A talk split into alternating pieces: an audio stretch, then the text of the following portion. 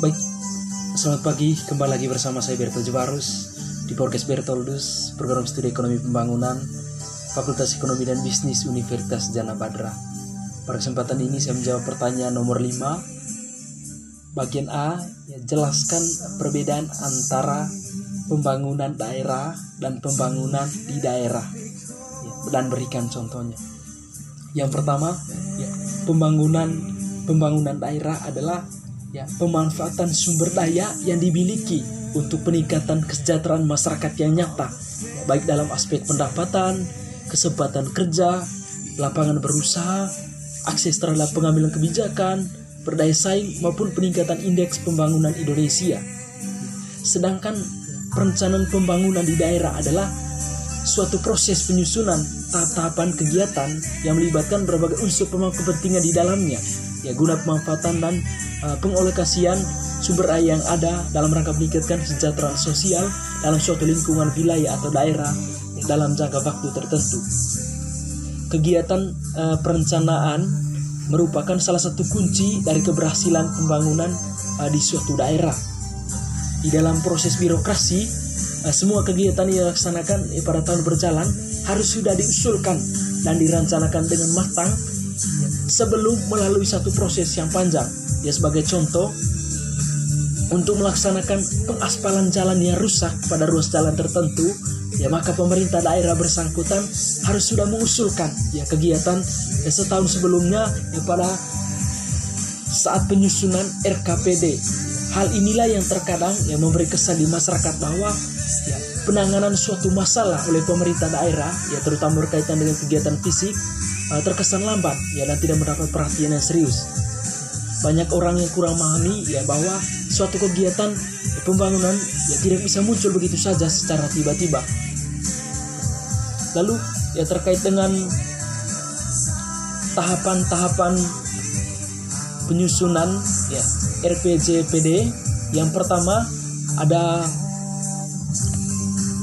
persiapan penyusunan lalu yang kedua penyusunan rancangan awal yang ketiga penyusunan rancangan keempat pelaksanaan musrenbang yang kelima perumusan rancangan akhir.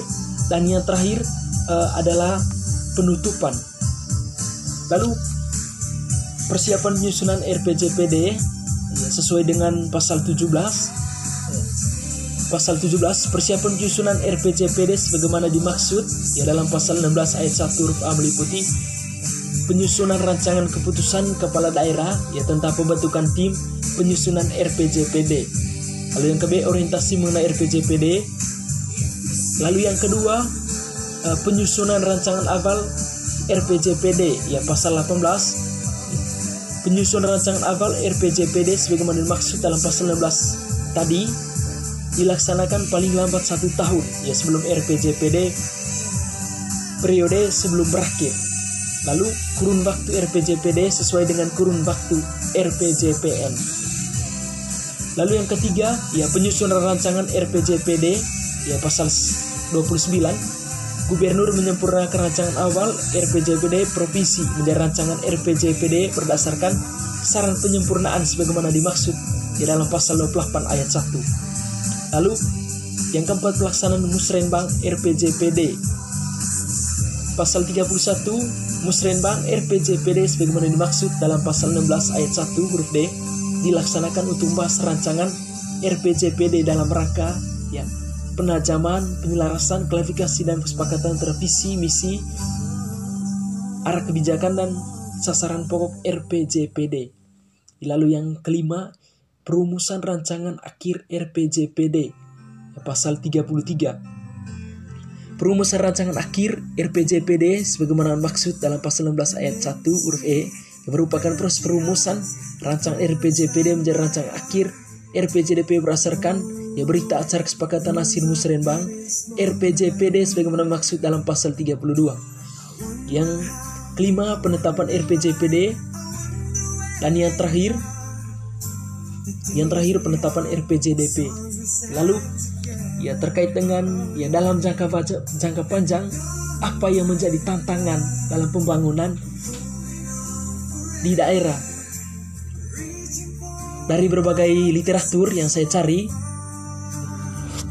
yang pertama uh, tingginya capaian indeks pembangunan manusia atau disebut dengan IPM belum menjamin ya, meratanya kualitas pembangunan manusia.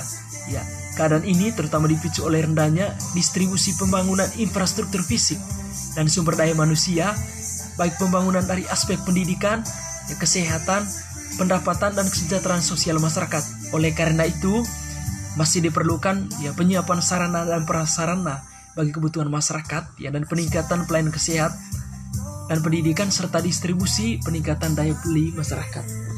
Lalu yang terakhir ya uh, jelaskan gambar 5.1 ya terkait dengan gambar ya siklus manajemen pembangunan yang pertama ada planning ada budgeting yang keempat ada implement yang ketiga implementation dan yang keempat ada monitoring dan evaluasi.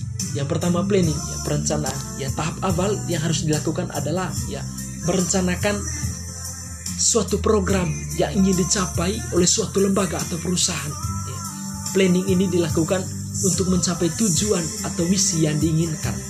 Lalu yang kedua budgeting atau ya, penganggaran menunjukkan ya keterkaitan antara pendanaan ya dan prestasi kinerja yang akan dicapai. Biasanya yang meningkatkan efisiensi dan transparansi ya dalam penganggaran.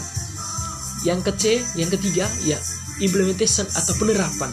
Ya syarat utama ya keberhasilan implementasi yaitu ada komunikasi. Yang pertama komunikasi ya keberhasilan kebijakan masyarakat ya agar implementator mengetahui apa yang harus dilakukan apabila tujuan dan sasaran suatu kebijakan tidak jelas atau bahkan tidak diketahui sama sekali oleh kelompok sasaran, maka kemungkinan akan terjadi resistensi dari kelompok sasaran.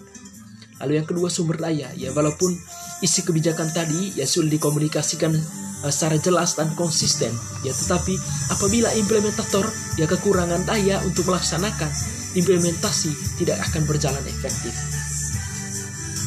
Yang terakhir ada monitoring ya diartikan sebagai ya fungsi manajemen yang dilakukan pada saat kegiatan sedang berlangsung.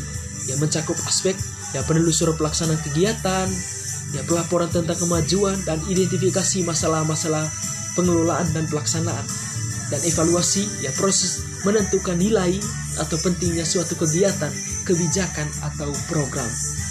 Kurang lebih eh, seperti itu. Ya jawaban singkat saya ya terkait dengan ya, pertanyaan nomor 5 saya akhiri. Cukup sekian terima kasih